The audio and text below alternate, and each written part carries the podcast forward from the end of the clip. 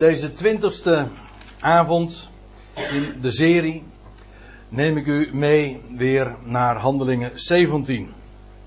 De vorige keer toen hebben we al een kort stukje gelezen van die beroemde toespraak, het beroemde optreden van de apostel Paulus daar op de Areopagus in Athene. En het lijkt mij een nuttige zaak om even terug te blikken, zoals we dat gebruikelijk zijn te doen.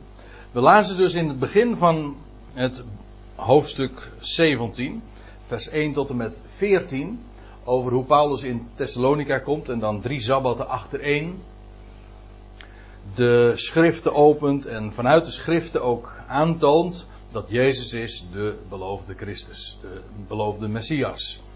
Vervolgens ontstaat daar een enorm tumult, waardoor hij genoodzaakt was om met zijn, uh, zijn medewerker Silas, Timotheus, naar uh, Berea te gaan.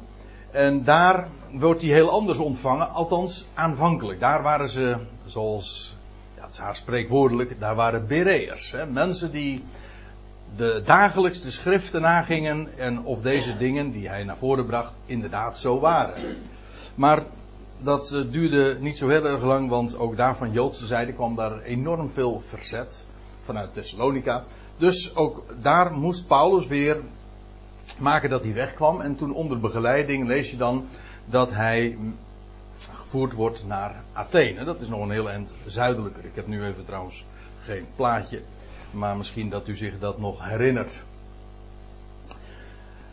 Dan als hij in Athene is, dan wordt Paulus geest, zo lezen we, laten we het nog eventjes zo voor de, voor de precisie nog eens eventjes nalopen wat er, we tot dusver hebben gezien. Dan lees je dat Paulus geest getriggerd wordt. Nou ja, zo staat het er dan niet. Zijn geest wordt geprikkeld. Door de enorme, ja, de stad was vergeven van afgoden. Zoiets, zo'n woord staat daar. Tenminste met die betekenis. Het was, wij zouden zeggen, het was vol van religiositeit. Vol van godsdienstigheid. Vol van idolen. Ons woord idool komt uit het Grieks en dat betekent afgoden. En de stad was vol van religiositeit, maar met al die afgoden, met al die goden, kende men daarmee, het loutere feit dat die goden er allemaal waren, was een bewijs dat men God, de God, niet kende. Je leest ook dat daar een synagoge is. In de synagoge hield Paulus samensprekingen met de Joden. Dat staat dan in vers 17. En ook met de, de Godvereerders. Die altijd in het boek Handelingen een grote rol altijd weer spelen. Maar op de markt, eh, daar is hij dagelijks te vinden. En hij spreekt daar met degene die hij daar zo aantreft. En dan lezen we dat er een paar filosofische scholen genoemd worden. Mensen die, die dat vertegenwoordigden van de Stoïcijnen en van de Epicureërs. Vertegenwoordigers van diverse filosofenscholen. Ja, we zijn hier, als we in Athene zijn, toch echt in het hart van, ja, van de Griekse wereld. En tot op de dag van vandaag staat Athene eigenlijk symbool voor filosofie. En zelfs de hele westerse wijsbegeerte vindt zijn oorsprong in dat wat in Athene ooit allemaal, al eigenlijk ook voor onze jaartelling, dus voor de dagen van Paulus, al is gedebiteerd en naar voren gebracht. En er zijn natuurlijk grote namen. We zullen trouwens vanavond, denk ik, tenminste dat we er nog aan toe komen, uh, nog een paar van die namen uh, ook noemen. Hier worden dus uh, de Stoïcijnen genoemd, Epicu Epicureërs en hun navolgelingen die zo uh, filosofieën erop nahielden. En zij zijn benieuwd naar het nieuwe dat Paulus te melden heeft. En dan lezen we ook nog zo tussen de bedrijven door in diverse dat de Atheners daar heel erg tuk op waren. Ze deden niet liever dan nieuwere dingen te ho horen. En dat Paulus inderdaad iets nieuws te melden heeft, dat was hen wel duidelijk. Want ze hoorden hem over een uh, Jezus en Anastasis spreken. En Anastasis, dat is het Griekse woord voor opstanding, maar zij dachten, zij hoorden hem over Anastasis en over ene Jezus. En zij dachten van dat dat de namen waren van goden die zij nog niet kenden. Nieuwe goden. Eigenlijk staat er, dat heb ik de vorige keer ook laten zien, er staat het woordje demonen. Maar dat is een neutraal begrip. Ik heb dat toen ook al benadrukt. Het woordje demon is een, in wezen een neutraal begrip. Dat was helemaal geen aanval. Bij ons is een demon, eigenlijk staat dat min of meer uh, gelijk aan een boze geest. Maar dat is niet de Bijbelse gedachte. Natuurlijk, er zijn boze geesten, daar niet van. Maar dat is niet, het is, je kunt geen is gelijkteken zetten tussen een boze geest en een demon. Dat is niet zo. Een demon is gewoon een god van de volkeren. En daarmee, demonen zijn de goden der volkeren. Ik heb daar vorige keer ook uh, nog de bonnetjes bij gelegd, dus dat doe ik nu verder niet. Maar in ieder geval, zij hoorden Paulus dus spreken en de na namen noemen. Zij dachten tenminste dat het namen waren. En dat klopte slechts voor de helft uh, van Jezus en Anastasis. En wel, dat was nieuw, want die goden kenden zij nog niet. Die demonen waren hen onbekend. En dus vragen zij nieuwsgierig van wat hij daarover zou willen vertellen. Ze nemen hem dan mee, lezen we in vers 19, naar de Areopagus. Areopagus, dat betekent eigenlijk letterlijk de heuvel van Ares. En Ares, dat is waar ons woordje Mars dan weer van afgeleid is. De god van de oorlog. En dat was een hele beroemde plaats. Sorry. Dat was een beroemde plaats in Athene, de Areopagus. Want het was namelijk waar het gerechtshof zetelde. En zij nemen hem dus naar die plaats mee. En dat zal geen officiële zitting geweest zijn, maar in ieder geval, ze nemen hem wel naar het centrum van de stad mee en naar die, ja, dat tribunaal zou ik haar zeggen. En ze uh, willen dus vernemen van hem wat die nieuwe leer van hem dan behelst, wat dat inhoudt. Nou, daar zijn we zo ongeveer aangekomen. Behalve dan nog dit, dat ze. Ja, we lezen dat Paulus begint zijn toespraak met een, een waarneming. dat is zijn binnenkomer en die is werkelijk onovertroffen. Dat is geweldig. Zoals hij daar zijn publiek meteen ook weet te triggeren. Om, nou gebruik ik de term eens een keer uh, in verband met Paulus zelf. Dat wil zeggen, hij, wordt niet, hij werd getriggerd. Maar wat hij nu vervolgens deed, was zijn publiek triggeren. Hm? Prikkelen. En wel doordat hij dan uh, hen erop wijst, en dat was hen allemaal bekend. Hij zegt: Ik was, ik was in jullie stad en ik, ik zag een, een. Ja, in onze vertaling staat daar een altaar. Gewijd aan de onbekende God. Maar er staat niet een altaar, er staat letterlijk een voetstuk. Gewoon een.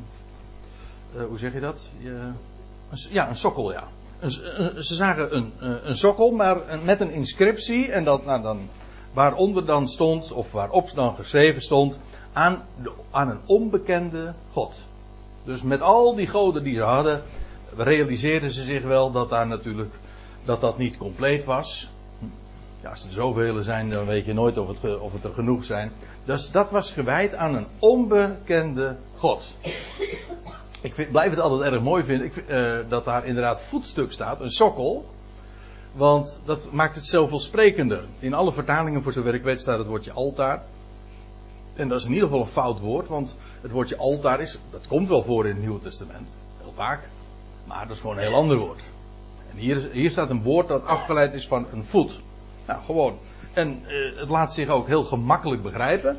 Een voetstuk, ja, met daarop niks. Ja, want het was gewijd aan een god die ze niet kenden. Dus die kon niet afbeelden. Al die andere goden, ja, die, die konden ze afbeelden. Die had een bepaalde uiterlijk. Maar een onbekende god kun je niet uitbeelden. Dan kun je alleen maar een sokkel met een inscriptie. Aan hem was die gewijd.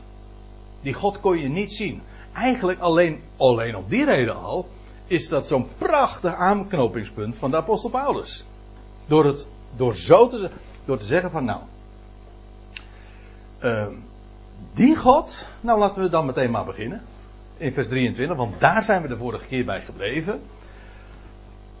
Als hij dan opgemerkt heeft van dat hij dat in hun stad had aangetroffen. En waarschijnlijk doelde hij op iets wat zijn publiek ook gewoon allemaal nog kende. Zij kenden dat voetstuk, dat, die sokkel met die inscriptie. Nou, zegt hij, wat jullie dan, wat jullie dan eerbiedig bejegenen, dat kondig ik jullie aan.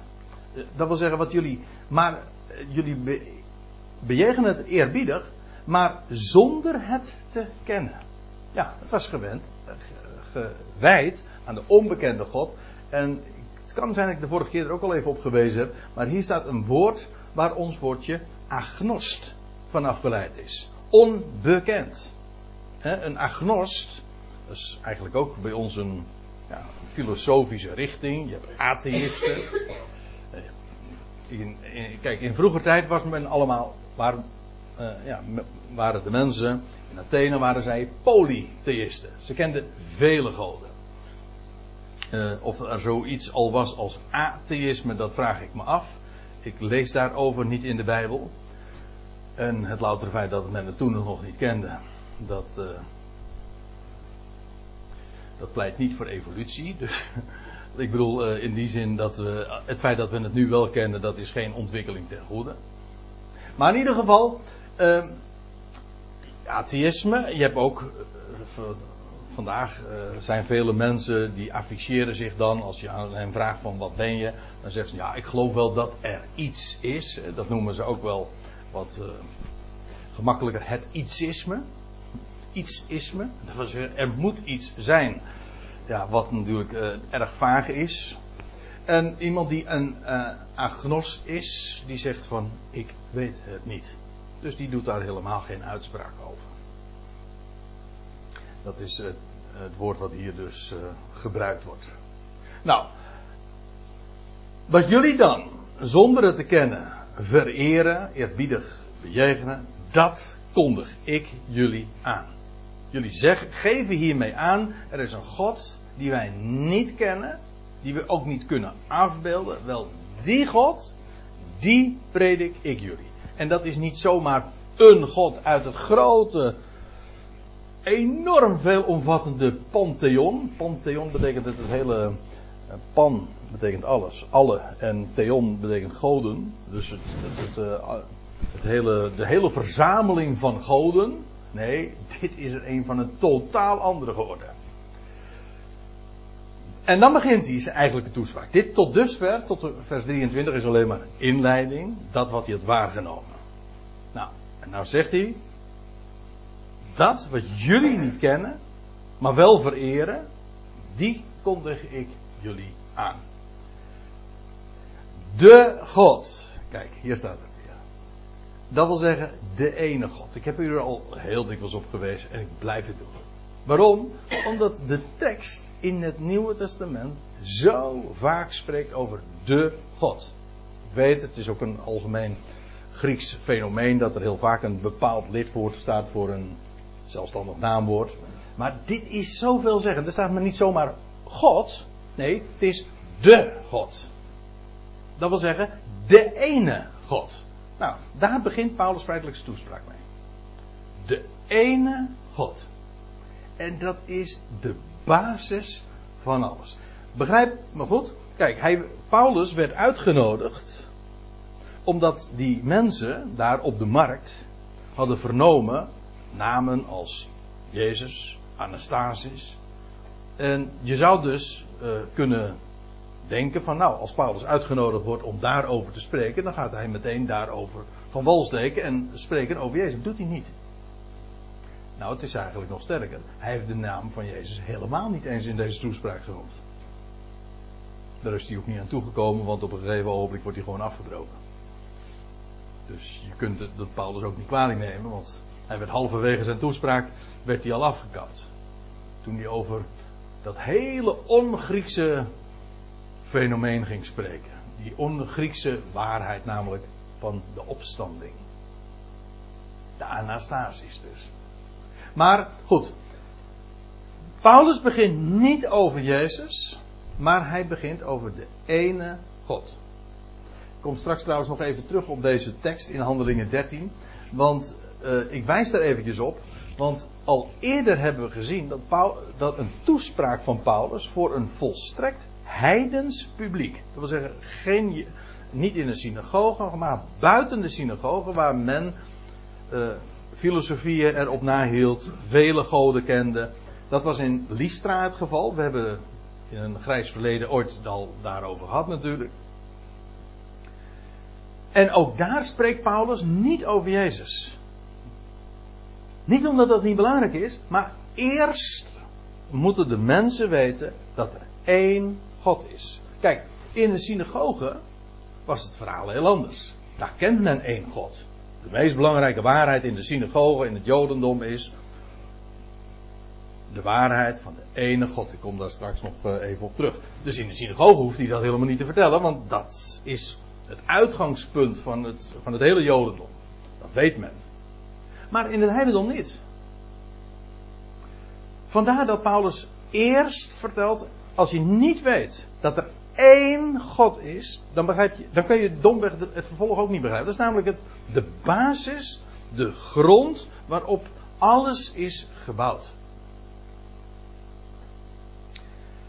Ja, en dat wil ik dan bij deze dan toch eventjes nog wat, wat uittypen. Zonder daar heel uitgebreid op in te gaan. Maar het loutere feit dat Paulus zijn toespraak begint met de God. Dat wil zeggen, die ene God.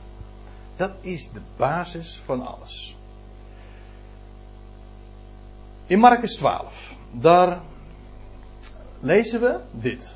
En dat is een, in dit geval een, een heel frappant ding.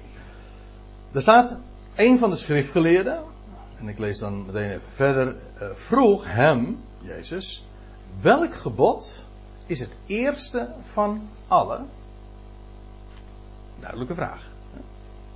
Hier eigenlijk een, echt een intern Joods gesprek. Kende de geboden. En nu wordt er aan Jezus gevraagd: wat is daarbij primair? Wat verdient de prioriteit boven alles? Het eerste van allen. En Jezus geeft antwoord. En hij zei: Het eerste is. Hoor Israël, de Heere onze God, de Heere is één. En gij zult de Heere uw God liefhebben. Dat staat trouwens, dat is direct het vervolg. Dit staat namelijk in Deuteronomium 6. Het, dit is het beroemde Shema. Shema Yisrael. Elke Jood die zegt dit dagelijks als beleidenis, neemt hij dat op de lippen. Dat is het eerste wat een Joods jongetje of een Joods kind leert op school. Deze, het Shema. Dat is namelijk het allereerste. En Jezus onderstreept dat ook. Die schriftgeleerde wist dat. Maar Jezus onderstreept dat. Dit is het allereerste. De basis van alles. Hij begint dus niet met, gij zult de Heer uw God lief hebben. Nee, hij begint met, het eerste is, hoor Israël, de Heere onze God, de Heere is één. Er is er maar één. Hij is één, dat wil zeggen, hij, ja, in de zin ook van uit, zoals wij dan dan zeggen, uit één stuk. Hij, hij is niet om het even oneerbiedig te zeggen, schizofreen of zo. Want de ene, hij zegt dit en hij doet dat, weet je wel, dan ben je verdeeld. Hij is één, alles. Hij is, met recht, dat is een ander uh, deftig woord. Hij is integer, ondeelbaar. Hij is echt, ja, uit één stuk. Wat hij zegt, dat doet hij. Wat hij belooft, dat vervult hij. Maar ook, er is er één. En dat is de eerste beleidenis.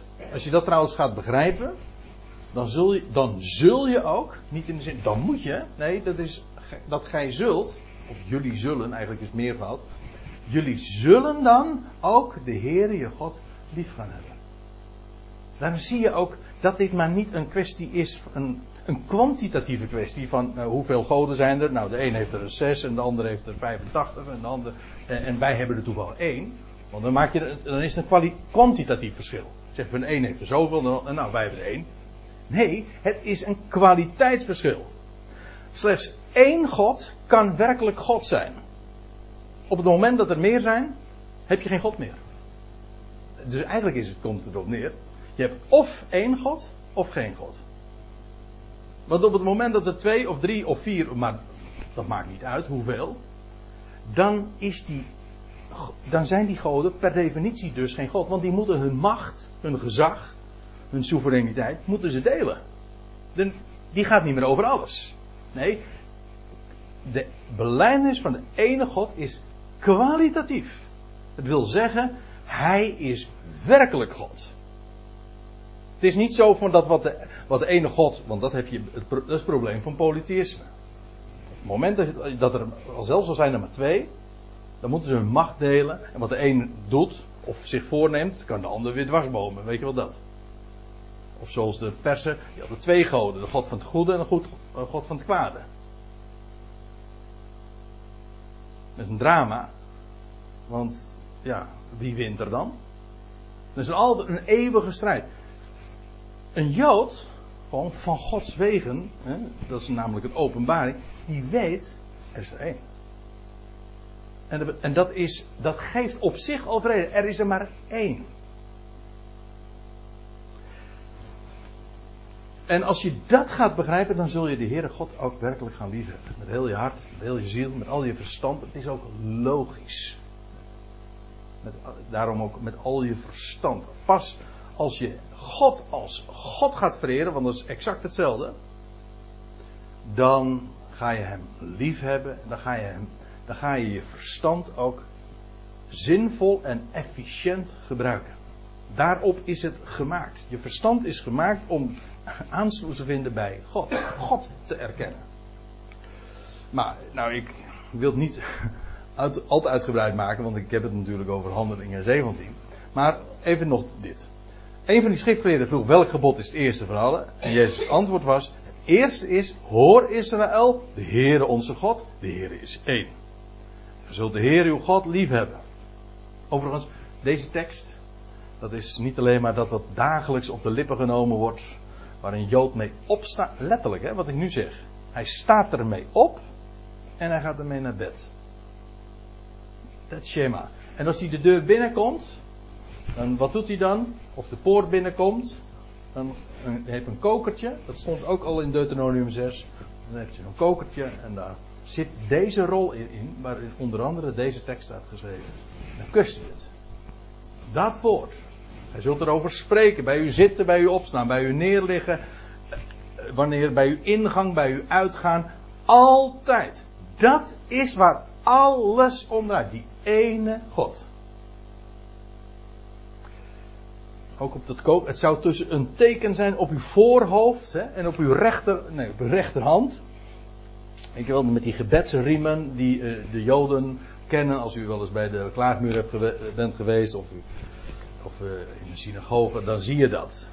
Ik wil maar zeggen, voor een Jood is dat niet maar een beleidenis.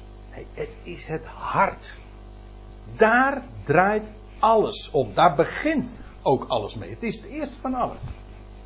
Nou, als Jezus dan dit antwoord gegeven heeft, dan staat er.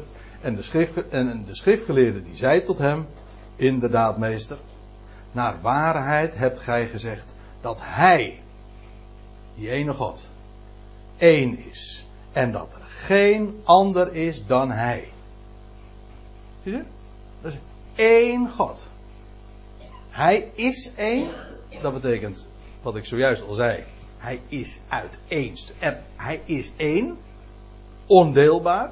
Maar ook er is geen ander dan Hij. Geen ander dan, niet dan zij. Dan Hij. Trouwens, let er trouwens ook op, de schriftgeleerde die spreekt tot hem.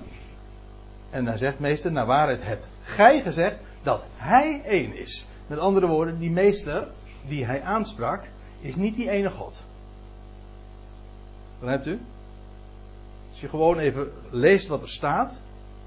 Ik weet dat dit in conflict komt met een hele theologie, met de christelijke theologie. Want je, je kunt je wel voorstellen toen het evangelie eenmaal uh, voet en grond kreeg, uh, toen heeft de, de diabolos ook niet stilgezeten. Die beleidenis van de ene God is in het hart geraakt en, heeft, en die is verdraaid in het christendom. En dat is al in een heel vroeg stadium gebeurd. De leer van de triniteit, van de drie-eenheid. Waarbij God niet meer één is. Waarbij, nee, God is drie geworden. Dus een woord en een begrip dat de Bijbel absoluut niet kent. Men heeft het eruit geredeneerd. En, maar het staat niet in de schrift. Het gaat ook tegen alles in. Één God. En je begrijpt wel dat als die leer van die drie eenheid waar zou zijn, dan heb je dus niet meer één God. Er zijn er drie personen, zo zegt men het ook, er zijn drie personen die alle drie kunnen zeggen, ik ben God. Je hebt God de Vader, je hebt God de Zoon, je hebt God de Heilige Geest. Dat zijn drie personen. Nou ja, ze, zijn, ze vormen een eenheid in de zin dan van een familie, maar het is niet meer wat er hier staat. Dat tegen Jezus gezegd wordt, er is geen ander dan Hij alleen. Hij is die ene God. Daar moet je niet aan gaan zitten. Op het moment dat je daar aan gaat sleutelen, dan, als ik het even heel oneerbiedig mag zeggen, dan dondert het allemaal in elkaar. Dit is de basis, de rots. En dit is wat de Heer Jezus zei in het, in beroemde hoge priesterlijk gebed. Hij zei: Dit nu is dat eeuwige leven, dat leven van die toekomende eeuw. Hè? Wat, waar zal die toekomende eeuw door gekenmerkt worden? Door deze beleider. Dat zij zullen kennen. Dat, dat Jezus, zegt Jezus tegen zijn vader. Dat zij u kennen. De enige waarachtige God. En Jezus Christus, die gij, de enige waarachtige God, gezonden hebt. Zo duidelijk. Zo duidelijk. Ja, ik, kan, ik kan heel lang doorgaan. Als Paulus uh, zegt in 1 Korinthe 8. Voor ons nogthans. Hij, oh ja, dan gaat het. Oh, die had ik er eigenlijk even bij moeten doen. 1 Korinthe 8. He, er, zijn, er, er, zijn goden in menigte. En heren in menigte. Voor ons nogthans, zegt hij, is er één God. De Vader. Uit wie alle dingen zijn. Nou, zegt dat niet tegen de nominale christen van één God, de Vader. Want hij zegt, nee, nee, niet één God, de Vader. Dus één God, zeggen ze, dat klopt wel, zeggen ze. Maar dat is de Vader en de Zoon en de Heilige Geest. Nee, zegt Paulus, één God, de Vader. Er is één God. En ook één middelaar van God en mensen. 1 Timotheus 2. De mens, Christus Jezus. 1 Timotheus 1, daar staat de koning van de Ionen, de koning der eeuwen, de onvergankelijke, de onzienlijke, de enige God zij eer en heerlijkheid tot in de Ionen der Ionen. Ziet u? En ik vind dit zo mooi. Weet u waarom? Omdat hier staat het woordje, ja, er staat hier de enige God. En hier staat in het Grieks monotheo. Monotheo. Wat, her, wat hoort u hierin? Monothe, monotheïsme. Paulus was een monotheïst. Zoals de hele schrift monotheïstisch zijn, is. Eén God. De enige God. Dat is eigenlijk de gedachte. Monotheo betekent de enige God.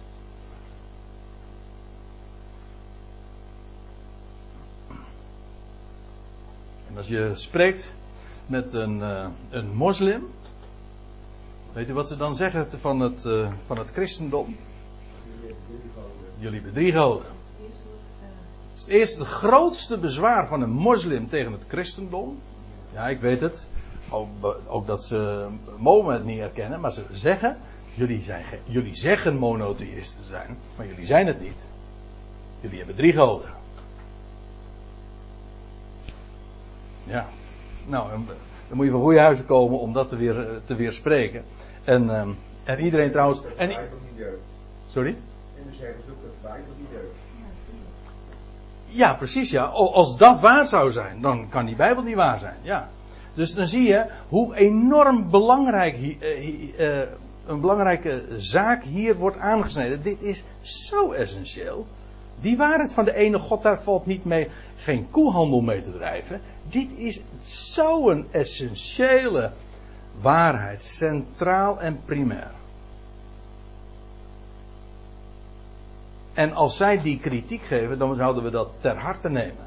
Want dit is namelijk de beleidenis waar je, ja, zoals een Jood ermee opstond en mee naar bed ging. En dat alles is, ja, dat is toch een waarheid die, dat, is, dat hoort hier.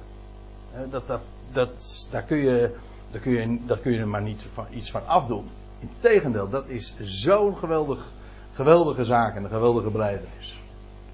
Ja, misschien schermen onderaan. Er was een regen jullie midden. Dat scherm is het even. Ja. Het was voor Ja. allemaal dat. Allemaal. ja. al een paar keer op nieuws eh, gehoord. Maar het is het bezwaar van de moslims, maar eh, eh, Joden net zo goed. Die hebben natuurlijk ook de grootste moeite met, het, eh, met de leer van de drie eenheid. De leer van de drie eenheid is voor hen een monster van een idee. Een monster van een idee. Omdat het namelijk eh, verwarring zaait over iets, over een concept dat in de Bijbel juist zo simpel is. Simpel in de zin ook van eenvoudig.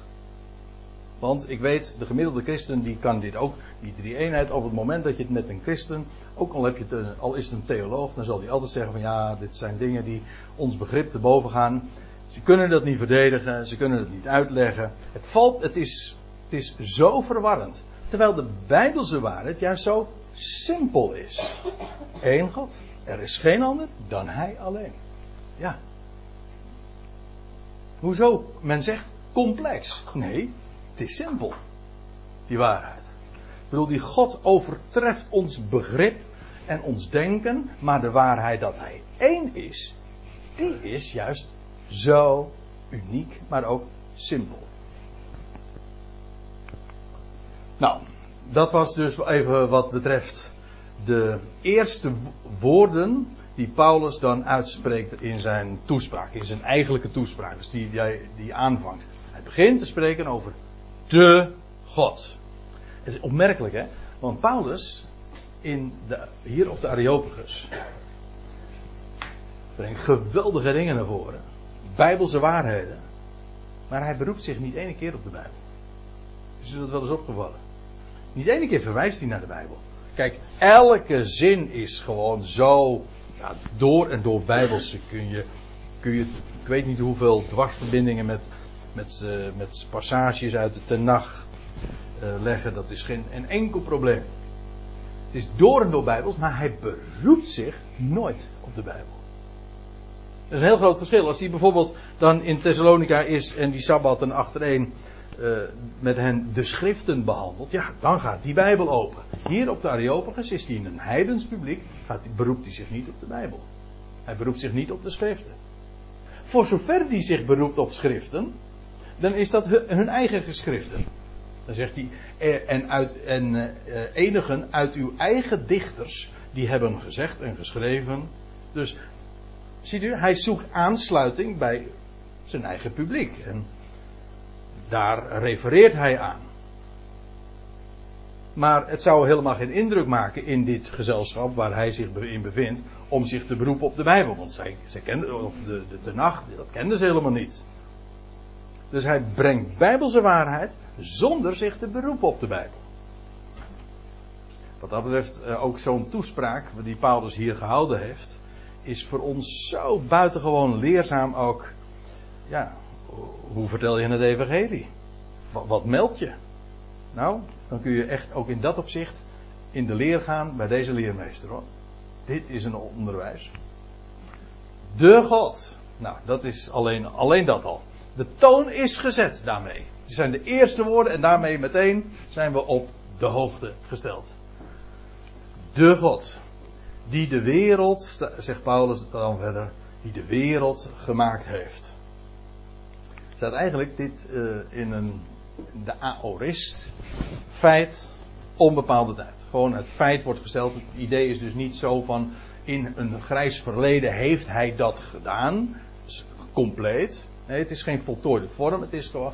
Het feit wordt hier gesteld. Hij maakt de wereld. Hij is de schepper van de wereld, ongeacht wanneer. Dat is het idee. Onbepaalde tijd. Dus eigenlijk de God die de wereld maakt.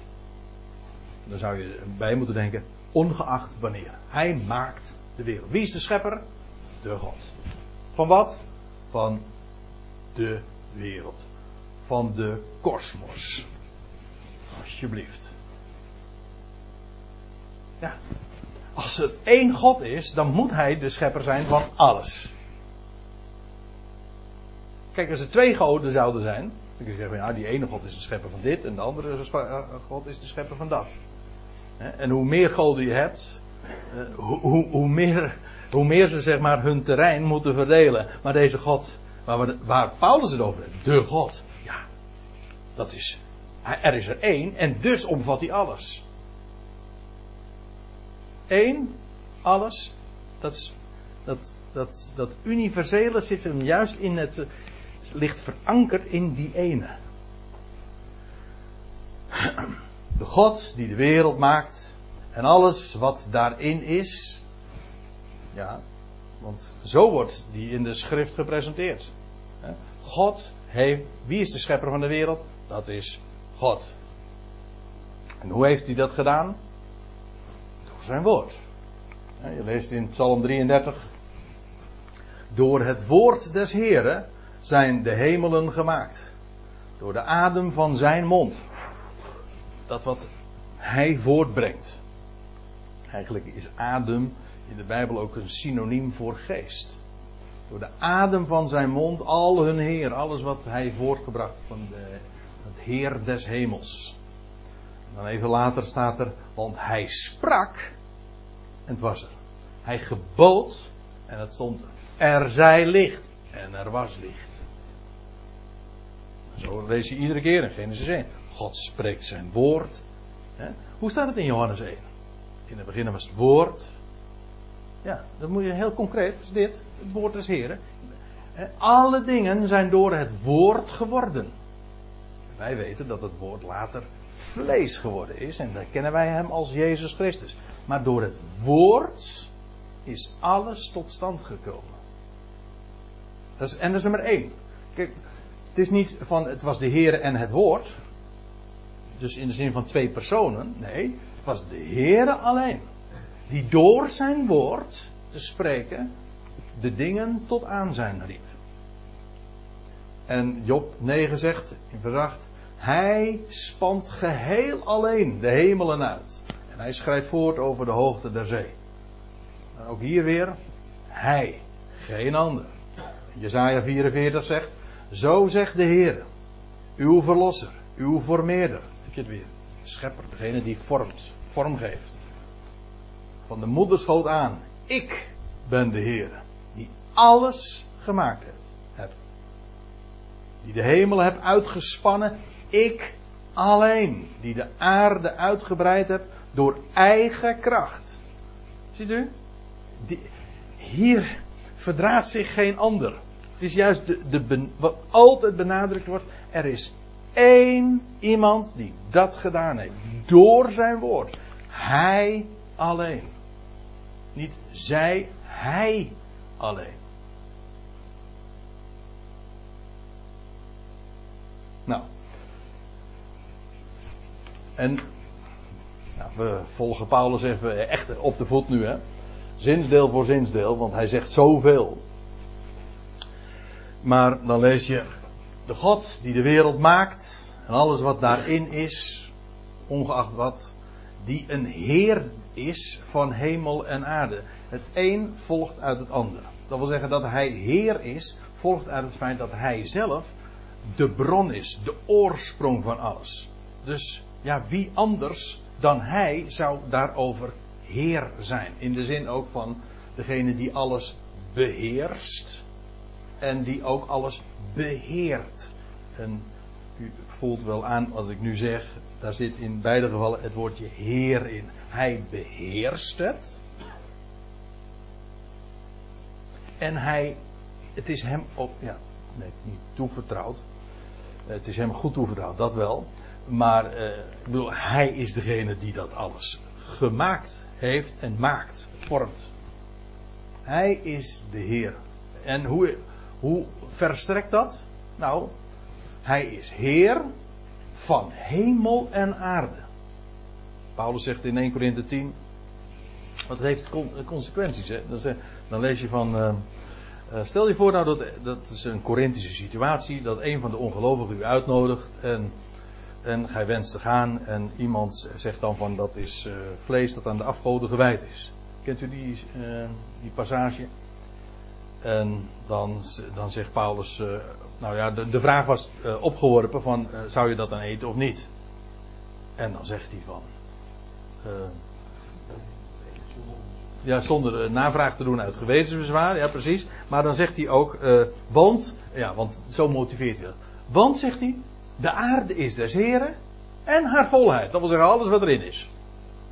Van wie is dat? Dus als daar een stukje vlees ligt, zouden wij daar moeite mee hebben of zo? Nee, want het is toch van hem? Wij erkennen helemaal geen afgoden. Wij zeggen er is er maar één. Dus alles is, de aarde, alles wat er op die aarde is, is van hem.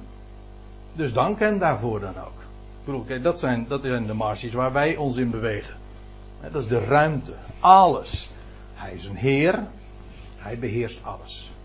Hemel en aarde. Wij, ja, daar verblijden wij ons toch ook in. Verblijd u in de Heer ten alle tijden. Ja, waarom? Nou, er is er één die van wie ik ben. En die mij beheerst, die mij beheert en die geeft wat ik nodig heb, want hij is mijn Heer. Ik ben van hem. Dus hij zorgt ook voor mij. Zoals hij zorgt voor hemel en aarde. En een gelovige is iemand die dat erkent. Maar hij is Heer van hemel en aarde. Dat trouwens met Jezus Christus ook.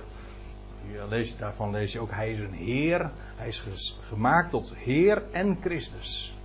Van allen. Nou ja. De, die God dus. En omdat hij de schepper van dat alles is, is hij ook Heer van hemel en aarde. En zegt Paulus erbij, hij woont niet in tempels met handen gemaakt. Nou, dat moet je net daar in Athene zeggen. Want daar wemelt het van, niet alleen van afgoden, maar ook van tempels. Allemaal plaatsen die gewijd waren, huizen die gewijd waren aan, aan weet ik veel wat voor goden allemaal niet. We hebben er heel wat nog hoor. Zijn er natuurlijk heel wat bekend. Uh, ze zijn bekend onder Latijnse namen. Uh, je hebt uh, Jupiter, dat is dan weer de Latijnse naam, maar in, in, in het Grieks heet hij Zeus. Maar het zijn dezelfde, hè? Zeus en Jupiter zijn dezelfde. En zo heb je dat met al die, met die, al die goden. Die hebben een Latijnse naam, een Griekse naam. Maar hoe dan ook, er waren zoveel goden, zoveel huizen ook. Maar let op wat Paulus dan zegt. Wel, die God, deze God, hemel en aarde. Kijk, zo'n God kenden zij niet. Zij hadden goden, maar omdat zij goden hadden, kenden zij God niet. Want God is de God die alles beheerst. Zo'n God kenden zij niet. Elke God die had, ze hadden een God van de oorlog. Daar stonden ze notabene op, hè, die heuvel. Areopagus, de heuvel van Mars die was dan weer van hem. En je hebt de God van de, van de liefde, de Venus, u kent hem, hè? Of, of u kent er, moet ik zeggen. Nou ja, en al dat soort dingen. Allemaal goden. Maar Paulus zegt, deze God, over wie ik het heb, die woont niet in tempels. Let er trouwens op. Uh, in de eerste plaats, hij zegt, die woont. En dat staat hier in de onvoltooid tegenwoordige tijd. Zie dat streepje, dat verticale streepje hier uh, voorafgaan. Dat betekent dat het, tegen, dat het onvoltooid tegenwoordige tijd is. En dat is bijzonder, want het is waar. Ja, uiteraard, wat Paulus zegt is waar, maar het is ook logisch. Want in de tijd dat Paulus dit uh, uh, opmerkte, was het inderdaad waar. God woonde op dat moment al niet meer in de tempel van Jeruzalem. Nee. Hij, je leest in de Bijbel al in, uh, nou, dat God in de tabernakel zijn woning had. Later ook in de tempel van Salomo. Je leest ook dat de Shechina, de, de heerlijkheid van de Here, die nam bezit van de tempel toen bij de inwijding ook. Ik weet niet of u die geschiedenis kent. Dan zegt, uh, dan zegt Salomo weliswaar uh, bij de inwijding van de tempel van ja, zelfs de hemel der hemelen kan u niet bevatten. Nee, maar God woonde daar. Zij, hij zou zijn naam doen wonen daar in Jeruzalem. Maar ik zal je dit vertellen. De, in de tempel van Jeruzalem in die dagen, na de ballingschap, heeft God nooit meer zijn woning gemaakt. De Shechina was daar niet. Dat wisten de Joden ook hoor. Dus de heerlijkheid van God heeft nooit bezit gemaakt van die tempel. Dus eh, als hij zegt hij woont niet in tempels met handen gemaakt, dat klopt ook. God op dat moment, die tegenwoordige tijd, dat Paulus dus opmerkte, woonde God niet in de tempel, ook niet van Jeruzalem. En daar komt trouwens nog iets bij, God woont niet in tempels.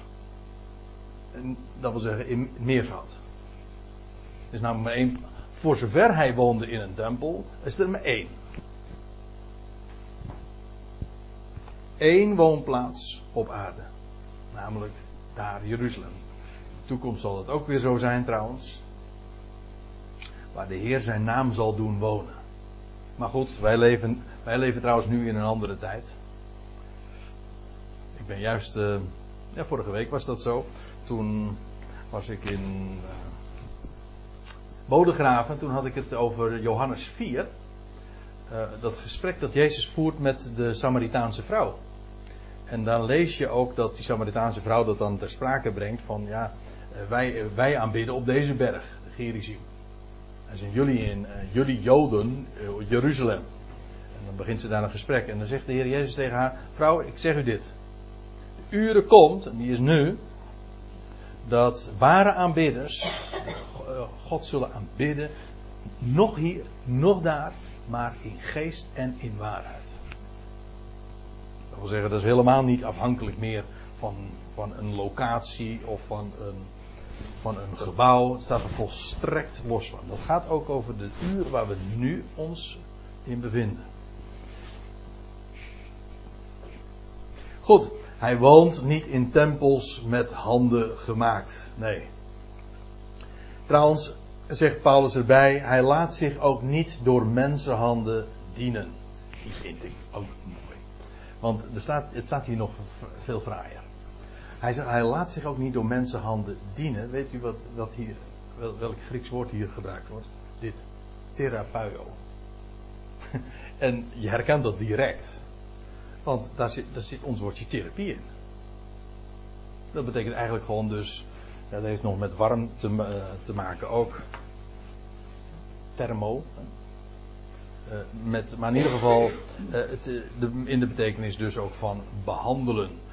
Wel, God heeft geen behandeling nodig. Hij laat zich niet door mensenhanden dienen. Kijk, u moet zich ook even voorstellen. Paulus was daar dus in Athene. Al die huizen, al die tempels die daar stonden. Al die afgodsbeelden waar de stad van vergeven was. Maar die moesten voortdurend natuurlijk gerepareerd worden en, en uh, bijgehouden worden, uh, schoongemaakt, weet je veel. Zo gaat dat. De profeten in de Bijbel, Jezaja en Jeremia, die spreken daar zo vaak de draak mee. Met, uh, zulke, af, met zulke goden die geholpen moeten worden. Die hebben allemaal behandeling nodig. Dit is heel grappig.